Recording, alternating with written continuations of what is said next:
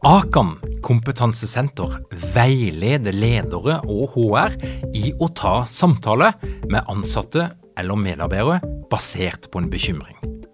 Akan setter ledere og medarbeidere i stand til å forebygge og håndtere en problematisk bruk av alkohol, narkotika, legemidler, spill eller doping blant ansatte. Ønsker du å lære mer om god forebygging og gjennomføring av samtale med en som du er bekymra for? Da kan du nå få tilgang på Akan sitt digitale samtalekurs til spesialpris, kun 760 kroner. Målet med kurset er å gjøre deg tryggere i det som kan være en krevende, men viktig samtale å ta i lederrollen. Du får tilgang til kurset med å gå til samtalekurs.no, samtalekurs.no, og bruke kampanjekoden LEDERPODDEN. Tilbudet gjelder ut april.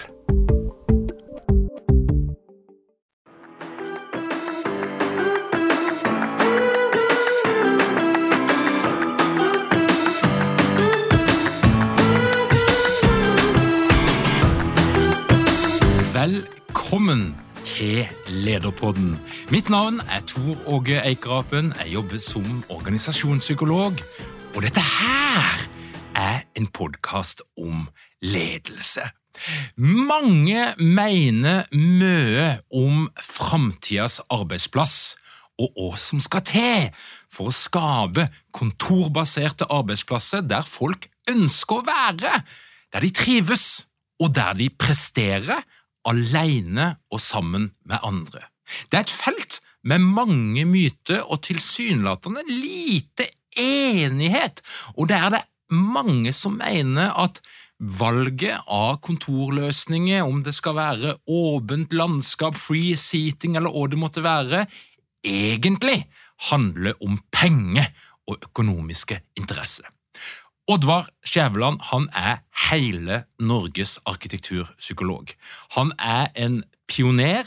Han har skapt et uh, selskap som rett og slett kombinerer kunnskap om arkitektur og psykologi for å skape best mulig arbeidsplasser for oss alle. Og I dag skal han gi oss svaret på hva som egentlig funker, og hva du bare kan glemme når du skal lage framtidas arbeidsplass. Velkommen til Lederpodden, Oddvar. Ja, takk skal du ha. Det var en uh, veldig flott intro du hadde. Så får vi se. du, Oddvar, du er en av de psykologene som valgte en litt annen vei. Ikke eh, bare faglig, men det å bli gründer ganske tidlig i seg sjøl er faktisk noe som de fleste psykologer ikke gjør. Men det jeg er nysgjerrig på, det er jo hva er det som er din faglige lidenskap som ligger til grunn for alt det du har fått til?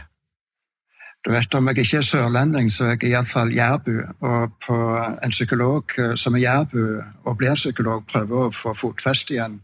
Og Det handler om det fysiske. da, så um, Den kulturen jeg kommer fra, er en entreprenørkultur. Den er veldig sånn, hva skal man si, fysisk og taktil i sin måte å agere på, og det liker jeg godt. Samtidig så vet vi jo at psykologer har avstand ikke bare til gründervirksomhet, men det er akkurat som det er en tradisjonelt litt nedlatende holdning til det fysiske. Fysiske fag, håndverk. Eh, og psykologer flest er jo superakademikere. Det samme er jo ofte ledere. At en blir litt sånn abstrakt i formen. Så det jeg brenner for, er vel å konkretisere ting.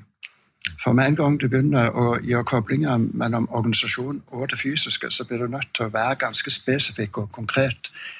Og jeg er litt allergisk mot altfor mange modeller. Jeg prøver derfor å være veldig spesifikk og konkret når det gjelder f.eks. ledelse eller arbeidsmiljø, og særlig det fysiske arbeidsmiljøet. Kan ikke du ta oss med litt tilbake til den eh reisa, for å bruke en, en litt forslitt metafor. Men, men når du starta Mellomrom, som er, som er selskapet ditt, eh, eh, hvordan fungerte det? Hvordan var det å lansere noe som jeg vil anta var ganske nytt, som en, som en tjeneste som gikk an å kjøpe på den tida? Det har du fullstendig rett i, og det var, det var grensesprengende for noen. Du vet, Først eh, var jeg utdannet psykolog med Svein Kile som veileder. Noen vet hvem Svein Kile var. En nestor i norsk organisasjonspsykologi. Og Det var en hovedoppgave om ledelse i det som den gang het eh, Statoil. Og Svein Kile sa det tar fem år å gjøre psykolog av et menneske. Deretter tar det fem nye år å gjøre et menneske igjen av den psykologen. Og jeg gjorde kanskje den tabben at jeg brukte en god del av de fem åra på et doktorgradsarbeid i arkitekturpsykologi, som høres røveraktig ut, men ikke var noe jeg fant på. Det er et fag som fins akademisk i verden, både som læresteder, lærebøker, eh, forskningstidsskrift osv. Og, og vi er jo en gjeng som utga ei lærebok om dette, norsk miljøpsykologi, for en del år siden.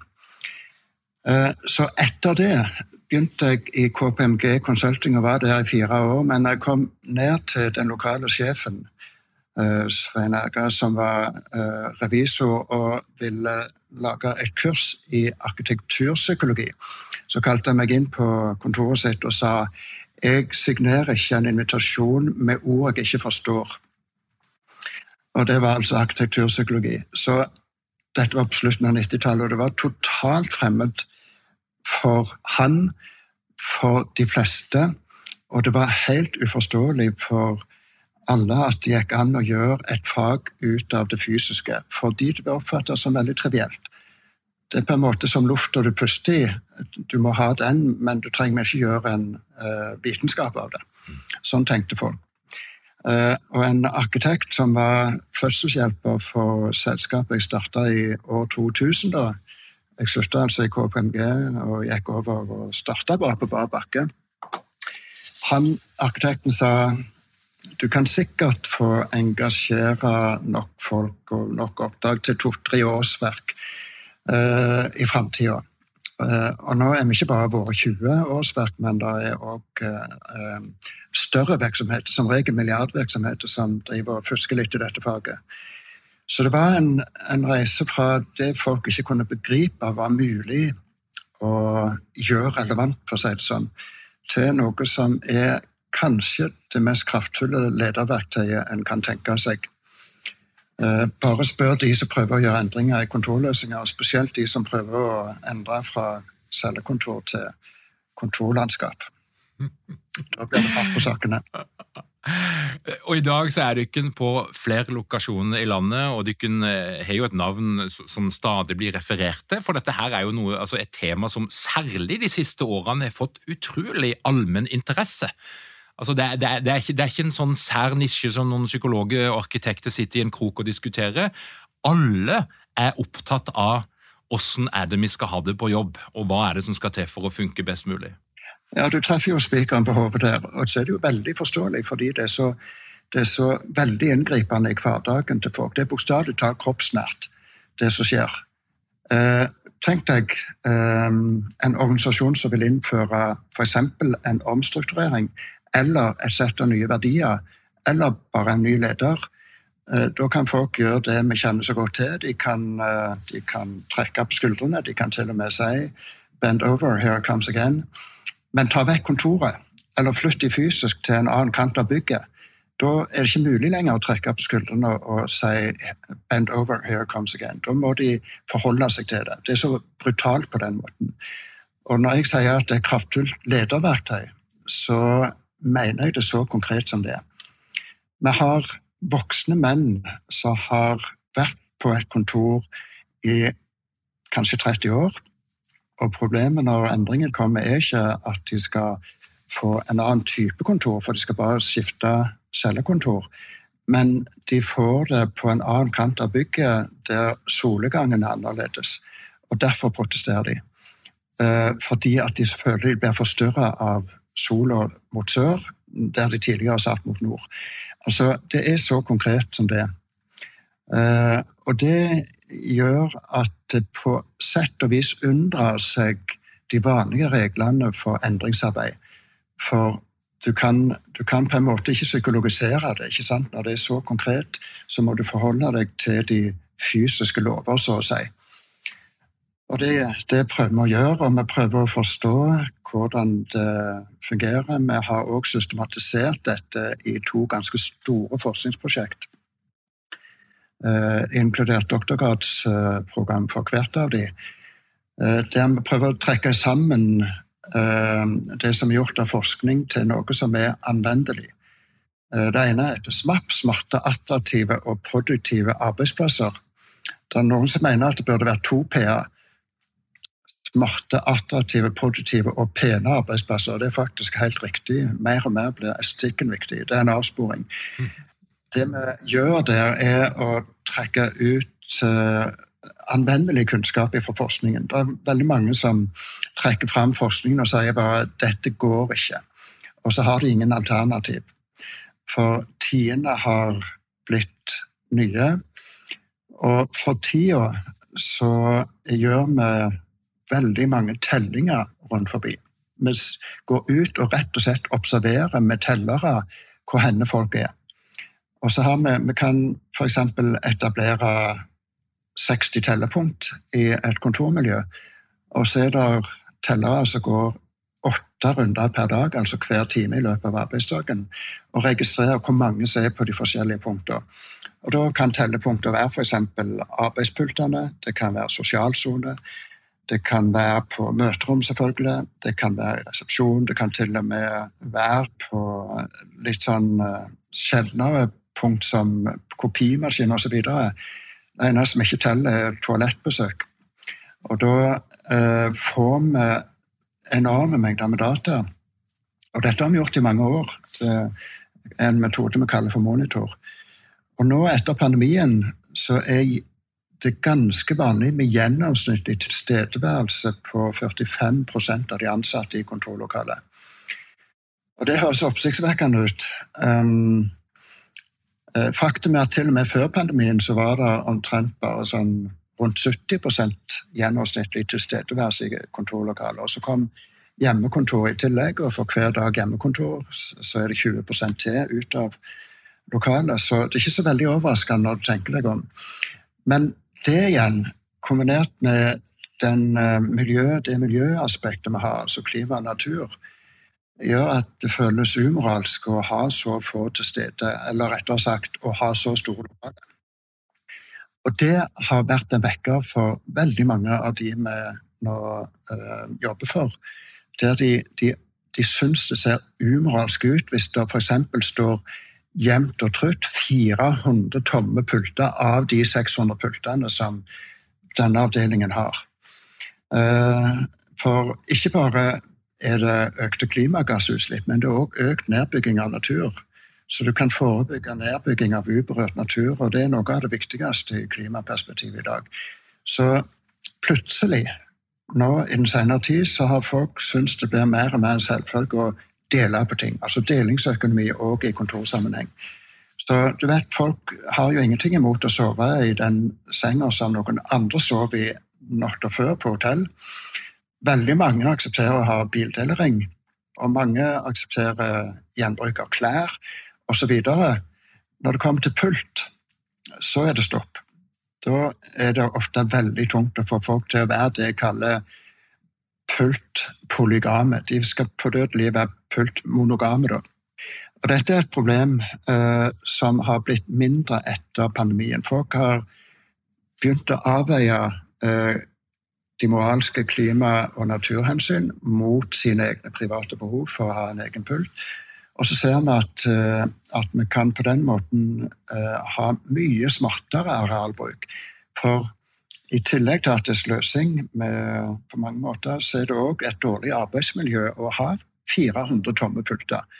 Det er ingenting ved det som gir et godt arbeidsmiljø. Så i stedet for 400 pulter så kan vi f.eks. innføre mer eh, enkeltkontor, men på deling.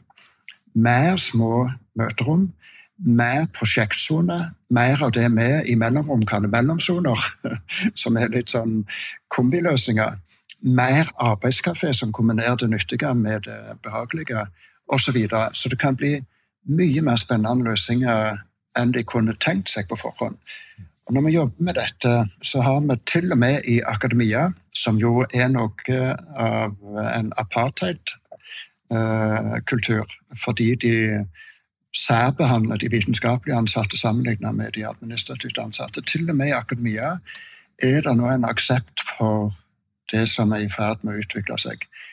Så jeg er vant med å ha skuddpremie på hodet mitt i mange mange sammenhenger, fordi at jeg blir oppfattet av og til som kontorlandskapets uh, uh, skaper. Det er jeg på ingen måte. Langt ifra. Uh, men jeg blir oppfattet som det, og derfor et hatobjekt.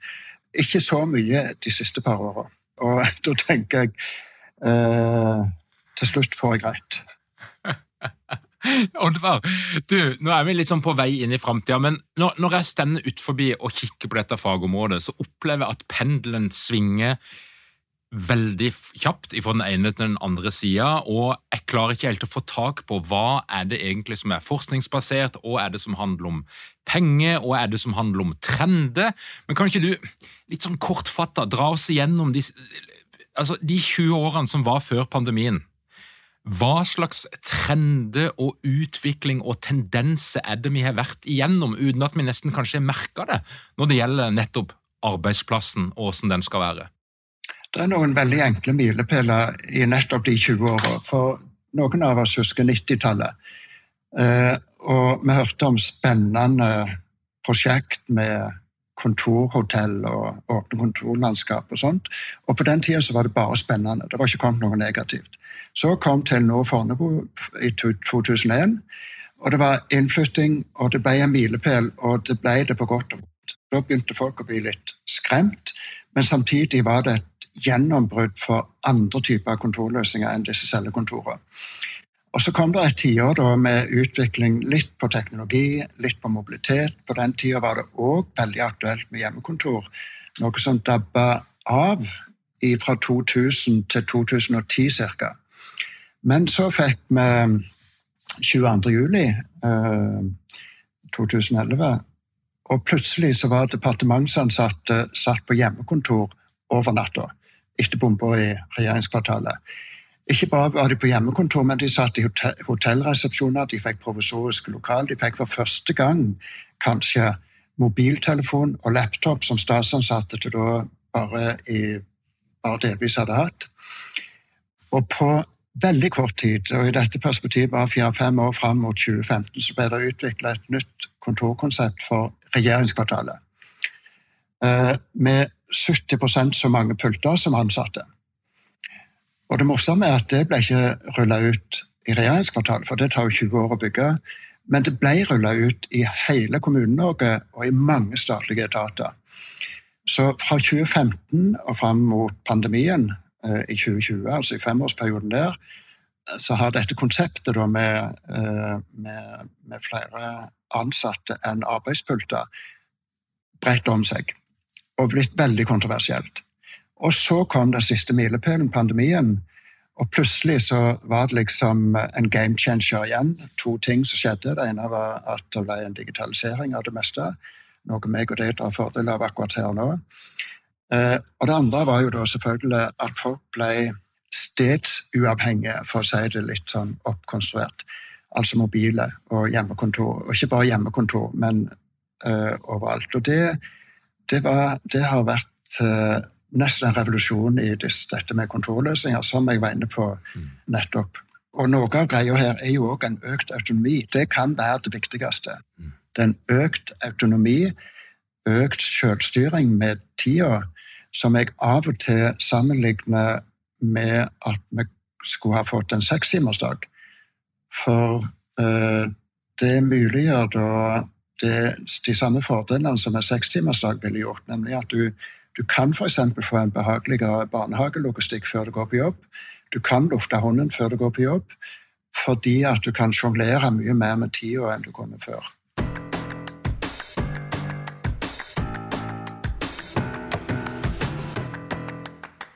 I denne perioden, er det noen sånn dumme ting som vi har drevet på med, som vi i dag vet at egentlig ikke er produktivt eller riktig, eller hva slags For jeg innbiller meg at det er et felt med en del myter og en del misforståelser eller feiloppfatninger eller konsepter som mange var entusiastiske for i en periode, og så ser vi at nei, det funka ikke.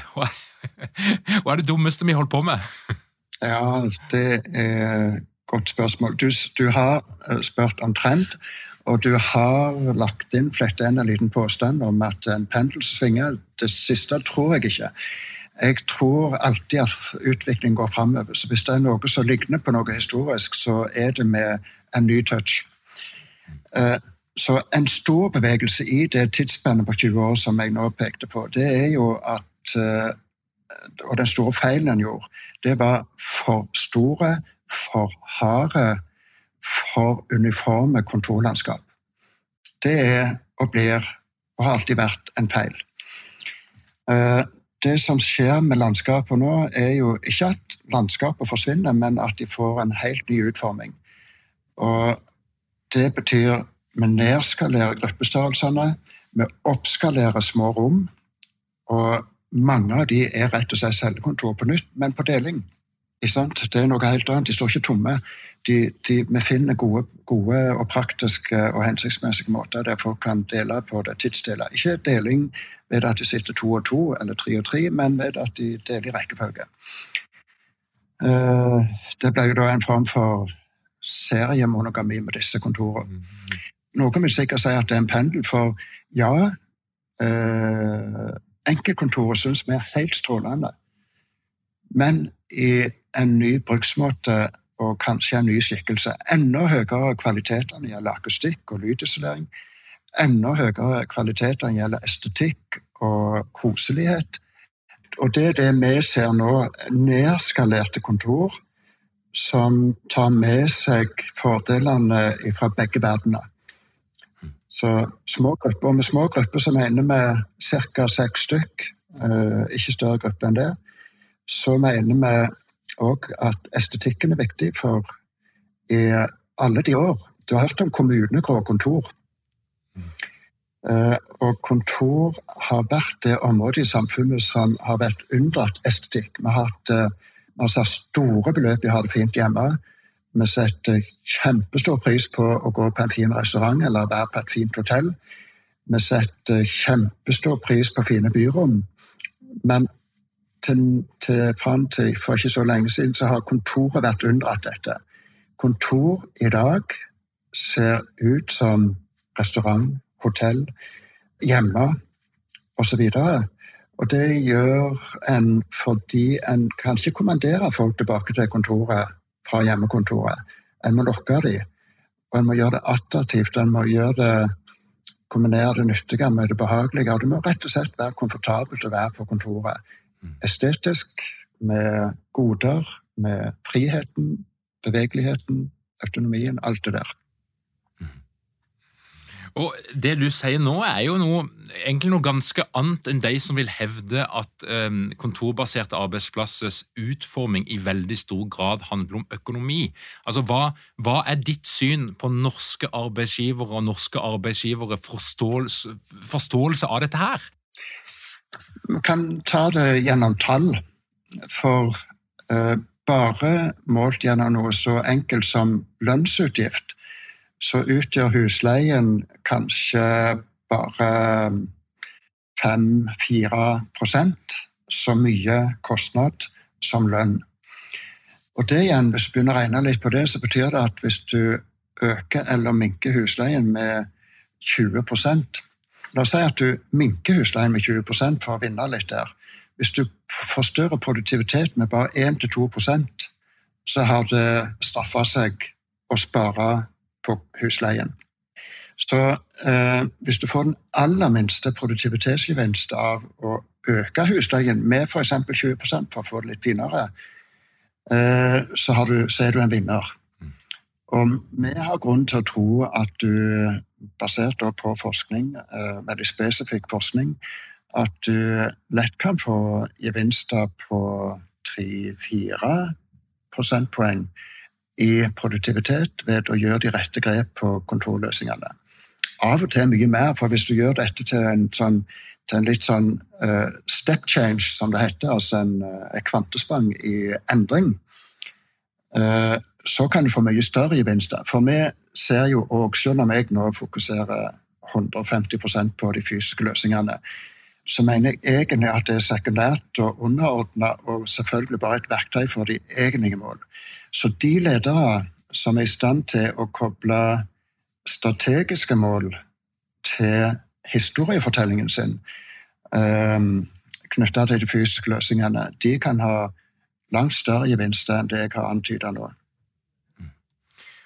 Så jeg sitter og lurer litt Oliver, på, er, dette, er vi i ferd med å få et sånt kontorklasseskille, der det kontoret som du nå beskriver som den rette måten å gjøre det på nå, det er forbeholdt kunnskapsarbeidere i de store byene, der det er konkurranse om arbeidskraften, mens når, så fort du kommer ut forbi de store bysentrene, så, så, så er vi fort 20 år tilbake i tid? Det er delvis rett observert. Ehm, blant annet så forutsetter det, mye av det jeg sier, forutsetter ganske store kontormiljø. Det, det, er, det er, de store talls tale her. Ehm, så i små kontormiljø så er det mye vanskeligere å gjøre et poeng ut av dette. Jeg skal ta et enkelt eksempel. Hvis det er La oss si at det er et kontormiljø med ja, 15 ansatte. Og da pleier vi å si at da skal det være eh, tre til fire sånne smårom. Altså F.eks. brukt til stillerom eller et kontor, vanlig enkeltkontor osv. Men hvis det er tre sånne på 15 stykk, så har det lett for at de tre blir opptatt. Hvis du har 150 stykk og 30 sånne, så skal det veldig mye til at alle 30 smårom er opptatt samtidig. Så du får, med de store tall får du en mye større fleksibilitet som gjør at dette nok er mer relevant for større kontormiljø.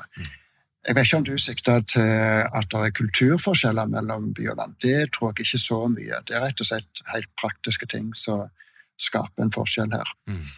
Og, og, vi opplever vel Vi jobber jo for store statlige etater som er landsdekkende. Og dette konseptet som eh, går på små grupper og mange små rom, det rulles ut gjennom hele landet. Mm. Det er det er Norheimsund, og det er Voss, og det er Hareid, og det osv. og så videre. Og så så jeg du var ute nylig i avisen med en kronikk der du òg angrep noen av de her nye konseptene. Altså knytta til sone eh, som skal, skal, være forbeholdt visse typer aktiviteter og samarbeid. Fortell litt mer. Hva, hva handler det om?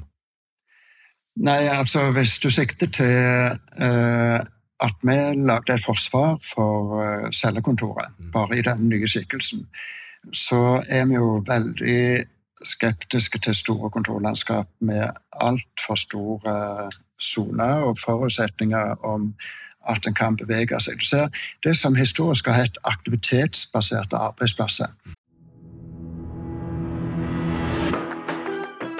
Har dere mange ledere uten trening eller utdannelse innen ledelse? Mangler dere en felles kultur og praksis for ledelse? Ønsker dere å være bedre rustet for fremtidig vekst og endring? Da kan et internt lederutviklingsprogram være en god investering. I Execu så er vi eksperter på å designe og gjennomføre bedriftsinterne lederutviklingsprogram. Hvis du ønsker å lære mer om hvordan vi kan hjelpe dykken til å få enda bedre ledere, ta og klikk deg inn på execu.no.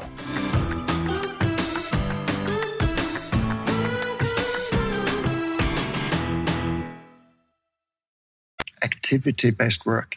Og så knytter jeg til sånne fine ord som clean desk og free seating og underdekning. Da har, da har 90 datt av allerede. Uh, alle, alt dette er både feil måte å tenke på, feil måte å praktisere det på, og vi ser at over hele verden så er dette tungdrevne konsept. Det er gode tanker, det er rasjonelt. Det er rasjonelt både fra et ledersynspunkt, organisasjonssynspunkt og økonomisk synspunkt, men det er tungt å drive. Det krever ledere som står fast på en konsept i det.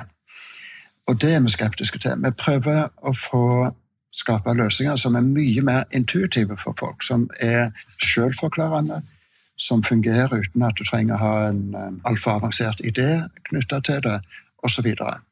Og da kan folk lett tenke ja, alt var enklere før, ikke sant? For da var det liksom, da teller vi aha, 63 ansatte.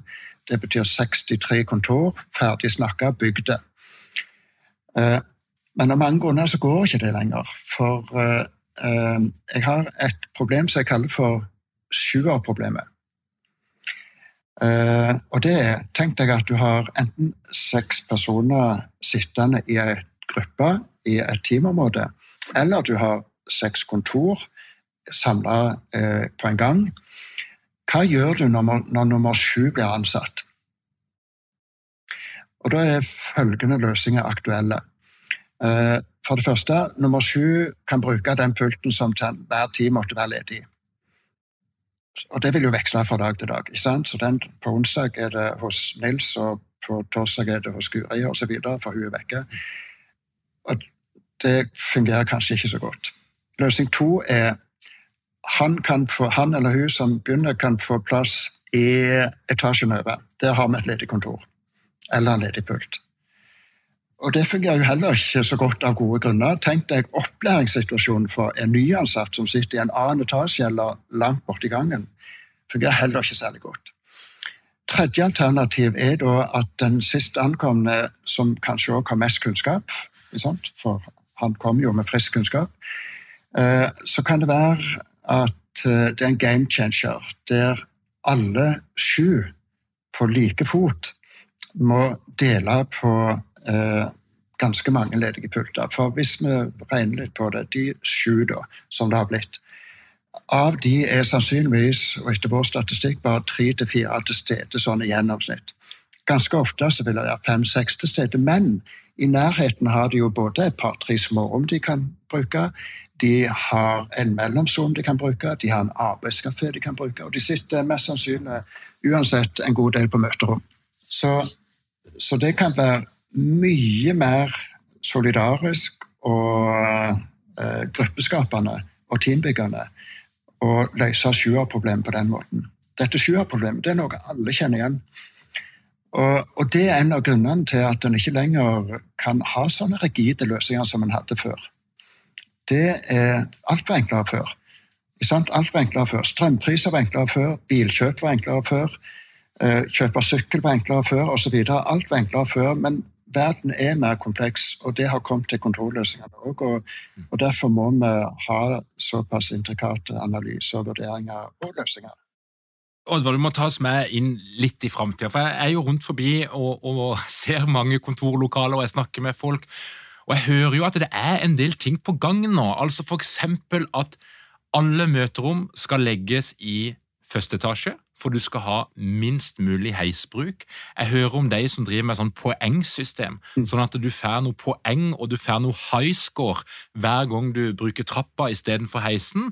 Altså at en, at en, en gjør mye kule, kreative ting. Kan du, kan du, ta oss litt med i hva, hva er det som skjer liksom helt i front her av dette her feltet?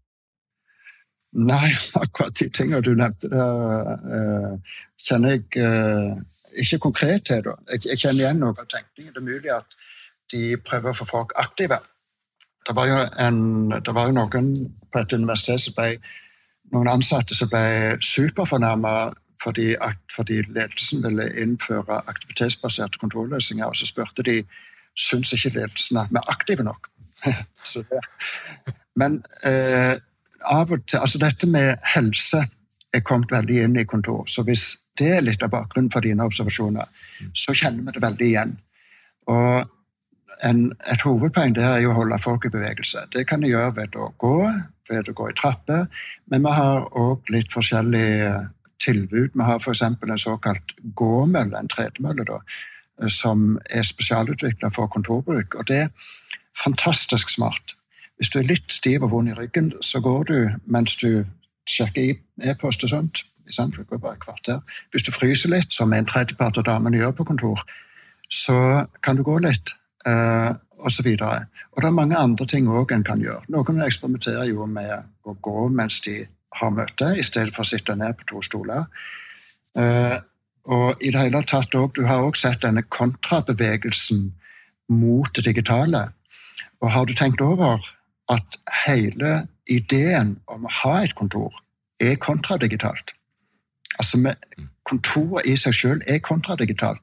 For i prinsippet viste pandemien at vi kunne faktisk klare oss uten kontorbygg, men vi vil ha de. Og da er vi over på Jeg vet ikke eh, det, om det var det du sikta til, men vi er over på noe jeg kaller mikrokommunikasjon. Og Det er veldig konkrete, små kommunikasjoner som kan skje på kontoret, men som ikke skjer digitalt når du sitter hjemme. Det er typen Jeg ser at du kommer. Eller egentlig så begynner du ute på parkeringsplassen. Jeg, I det øyeblikket jeg ankommer utenfor kontorbygget, så blir jeg en del av flokken.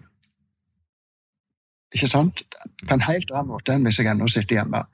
Når jeg kommer inn i resepsjonen og sier hei, så blir jeg mer en del av flokken. Når jeg i tillegg ser at, eh, at eh, Kari og, Per og Anders sitter der og kan eh, bare si noen få setninger til det før jeg er i gang med arbeidet, så er jeg veldig sosial.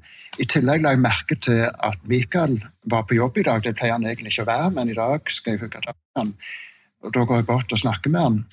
Dessuten så kom jeg og snakket litt med Marlene, for jeg kom på noe når jeg så ansiktet hennes som jeg ikke ville ha kommet på hvis jeg satt hjemme på kontoret, osv.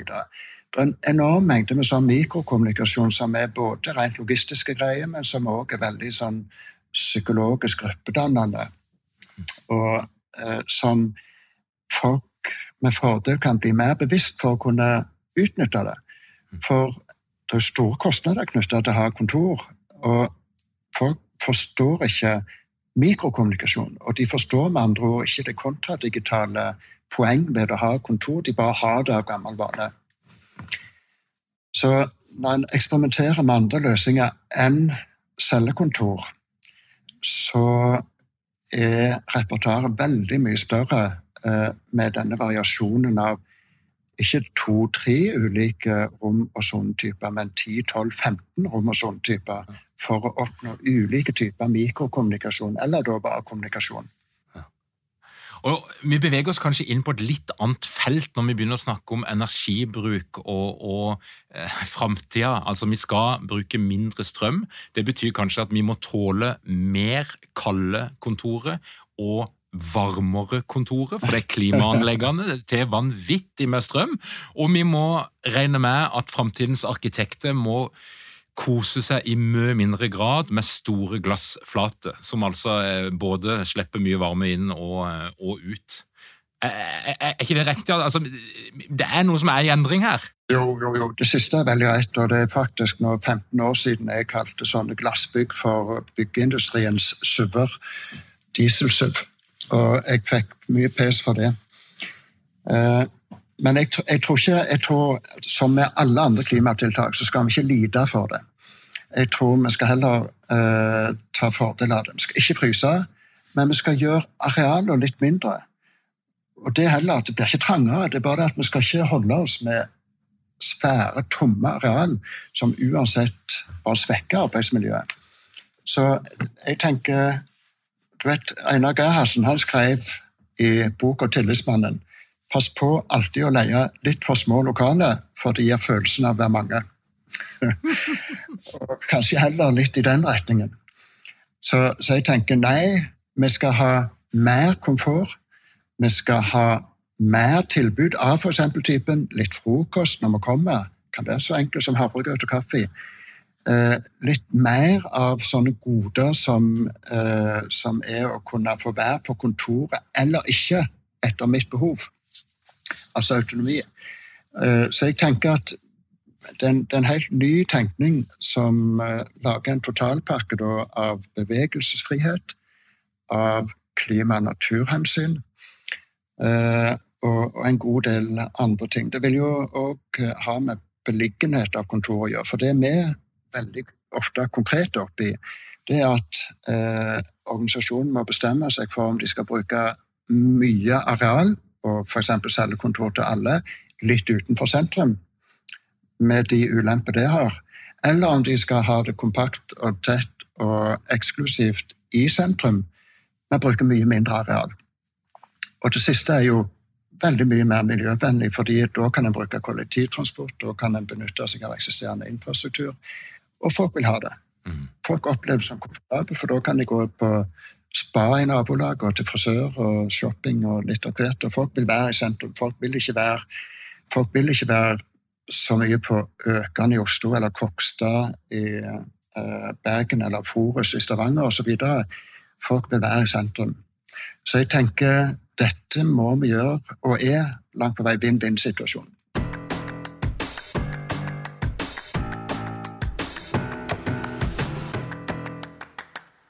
En ting som du egentlig begynte å snakke om, det er jo litt prosessen.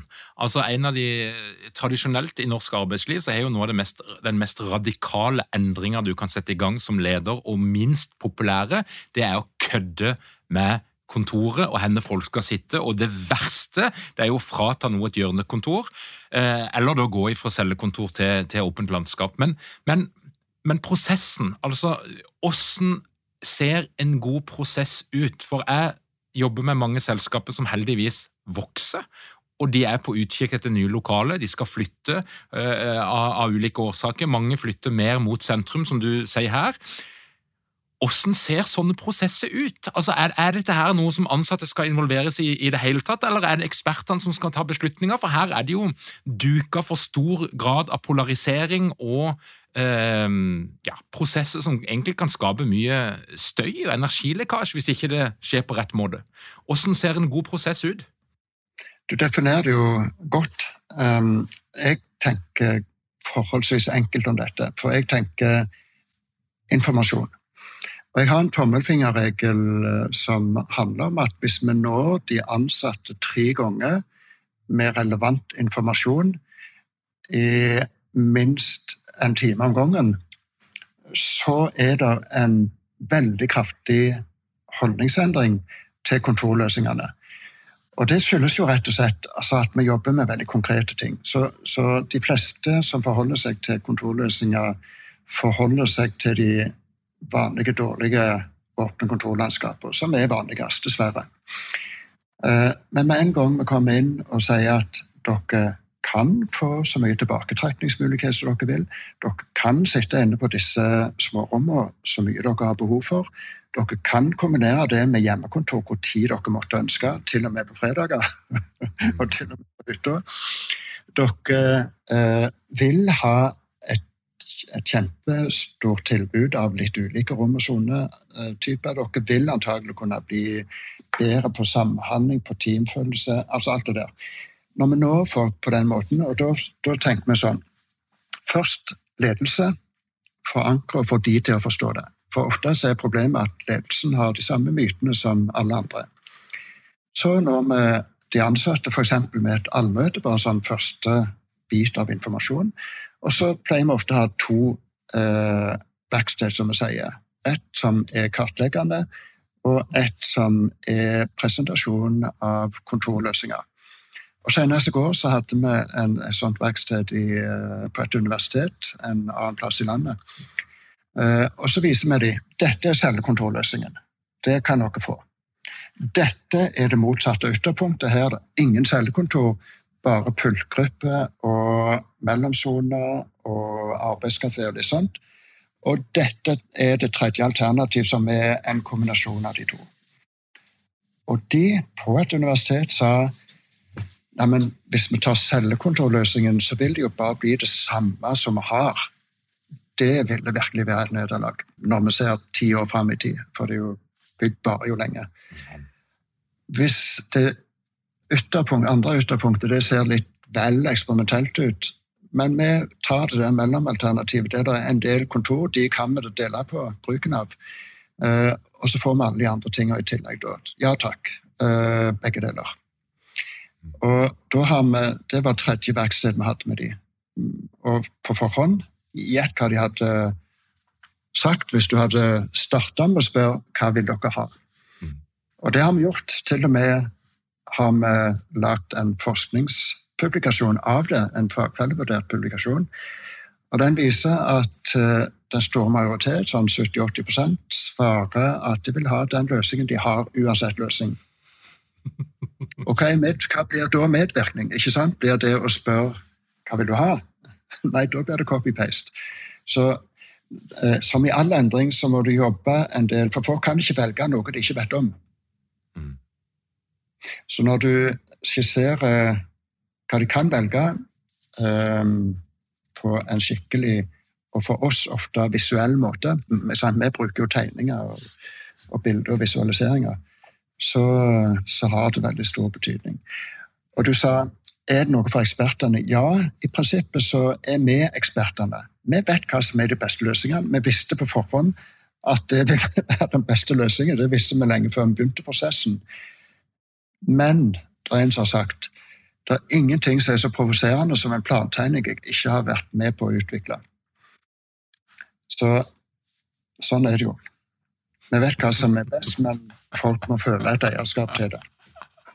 Så Det høres ut som du kan balansere av og til litt på grensa mellom en involverende og en manipulerende prosess.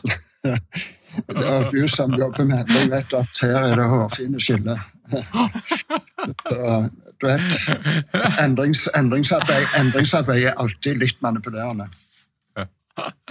Du, jeg ser at det er noen som I, Kristiansand så er det en gjeng med, med, ansatte i fylkeskommunen som skal etter hvert flytte inn i et nytt fylkeshus. og De har fått ganske mye tyn i media, for de har brukt noen millioner på at de skal teste ut de nye lokalene. De skal prøvekjøre de og eksperimentere med litt ulike løsninger og møblement og den slags.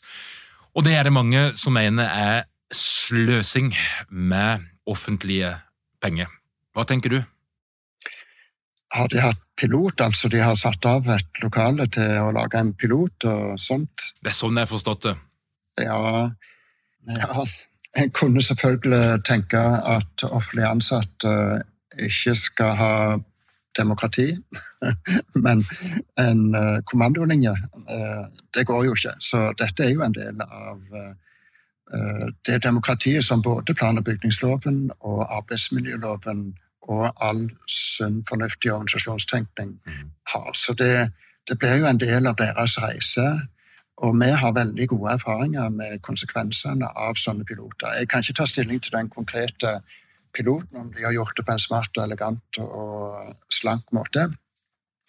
Eh, men, eh, og for piloter kan ofte være veldig slanke, da. Altså omfatte bare f.eks. en åtte-ti arbeidsplasser som hele organisasjonen blir, blir uh, rotert igjennom. Men, uh, men, at det er bra uh, som en del av endringsarbeidet, det er helt sikkert med, med en pilot. Mm. Eh, Oddvar, du er rundt forbi, og, og du vet hva som beveger seg på feltet. Nå, kan du beskrive det som er for deg den perfekte kontoropplevelsen? altså Der du kommer inn og bare kjenner at ah, her har de fått det til. Har du hatt den opplevelsen i Norge, eller er det oppe i fantasien din? Altså, men, men, men hvordan er den opplevelsen? Hvordan ser dette her ut i, i 2023? Jeg, ingen bør høre på meg, for jeg er miljøskadd for lenge siden når det gjelder sånt. Men vi har et sted i Oslo der mange beretter om at de får den opplevelsen du nå beskriver. Og det er faktisk Oslo kommune Eh, i et gammelt bygg som er rehabilitert og heter altså på en måte Rådhuset for Oslo gamle bydel. Altså en stor bydel. Det er jo på størrelse med større kommune i Norge, da. Og Der er det rundt 600 ansatte som har fått eh, kontor, nye kontorløsninger. Og de har fritt plassvalg og ryddig pult. Når du ankommer der, så kom, ankommer du til noe som heller mange ville assosiert med f.eks. konsulentfirma, kanskje, eller et reklamebyrå eller noe sånt. Du ankommer til et stort kaffeområde med lange bardisker, og ikke så langt unna så er det da små møterom som du kan bruke for uh, å ta imot gjester. Så du tar med deg kaffen fra kaffebaren og går inn på et møterom og holder det. Og for øvrig i lokalet så er det lekre farger kunst på veggene. Det er planter, det er fine tekstiler, det er spennende tapeter. Og alt dette er faktisk god bruk av skattebetalerne sine penger, for han som heter Tore Olsen Pran og er bydelsdirektør der, han sier på denne måten så sparer vi mange kvadratmeter, vi sparer miljø, og, sier han, vi får råd til flere psykologer. Og det har vi mer bruk for enn mange kvadratmeter. Så til tross for at det ser luksuriøst ut, oppleves veldig attraktivt, sånn at de som er gjester og kommer på befaring, sier at sånn vil vi ha det. Så er det faktisk god bruk av skattekronene. Det er jo fascinerende. Så mm. det bydel Gamle Oslo sitt bydelshus har fått en, en sånn referansestatus for, for mange som ikke nødvendigvis er kommunale.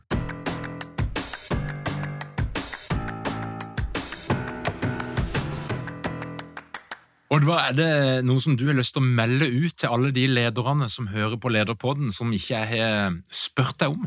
Det er nødvendig, som du òg har påpekt et par ganger, å være klar over at det er et potent virkemiddel. Ledergrupper jeg snakker til, og jeg snakker til toppledergrupper hele tida, starter ofte med å tenke at dette er trivielt, og dette er for de spesielt interiørinteresserte. Og da har de ikke forstått sprengkraften i det å tulle med det kroppsnære som faktisk dette er, da. Så steg én er å innse at det ikke er trivielt, men det er et relevant verktøy i lederutvikling. På to måter. Det ene er at du må gjøre det rette rent sånn fysisk faglig. Det andre er at du må forstå det som en endring. Og da, hvis du klarer å å være en god leder, som nettopp Tore Olsen Pram bl.a. er et eksempel på, så lager han en historiefortelling om at dette gjør vi for å lage en bedre arbeidsplass, for å lage bedre tjenesteleveranser, flere psykologer og andre profesjoner som vi trenger for å levere tjenestene. Og Hadde det vært en kommersiell organisasjon, så ville det vært en kjempegod business case. Fordi at produktiviteten øker, samtidig som kostnaden faktisk går ned pga. mer arealsmarte løsninger. Så til lederne eh, les, les, litt om dette i organisasjonsperspektiv. Ikke overlate til de spesielt interiørinteresserte, men lag dere en målformulering som klaffer for prosjektet og for dere, deres strategi. Da. Ledere må ta ansvar, de må involvere seg, og de kan ikke outsource denne oppgaven til den der komiteen som, som scorer høyest på sin interiør- og estetikkinteresse. Godt sagt. Så med et eh, endringsspråk som du har, så er det veldig treffende. Eh, sånn må det være. Mm. Oddvar, en helt siste ting. Eh, hva er de faktorene som har gjort at du og gjengen din har klart å, å, å lykkes med å bygge opp et konsulentmiljø innenfor en nisje som egentlig ikke fantes i, i Norge når de kunne? Det er jammen ikke lett å si. Du vet, et, et, kjennetegn, et veldig sånn eh, holdt på å si, visuelt kjennetegn, er at jeg er den eneste mannlige ansatte. Med 20 stykk. Resten er damer eh, med gjennomsnittlig alder på 30. Og det er veldig sjeldent at et rivaliserende, konkurrerende, kommersielt miljø består av damer. Det skyldes nok at eh, For jeg, jeg har aldri vært daglig leder, det er andre. Og det er eh, kvinner med de samme kjennetegn som har vært daglig leder i de siste ti åra. Så det er de som har bygd opp dette. Eh, så det kan være en suksessfaktor, for da klarer vi kanskje å kombinere det konkurrerende, rivaliserende med en form for omsorgsdimensjon. Det andre er at vi prøver òg å balansere på tung forskningsbasert kunnskap. Og alt dette helt pragmatisk som går ned til hvilken farge skal vi ha på den veggen der. Um, altså arkitektene. For meg er 50-50 rådgivere og arkitekter, interiørarkitekter.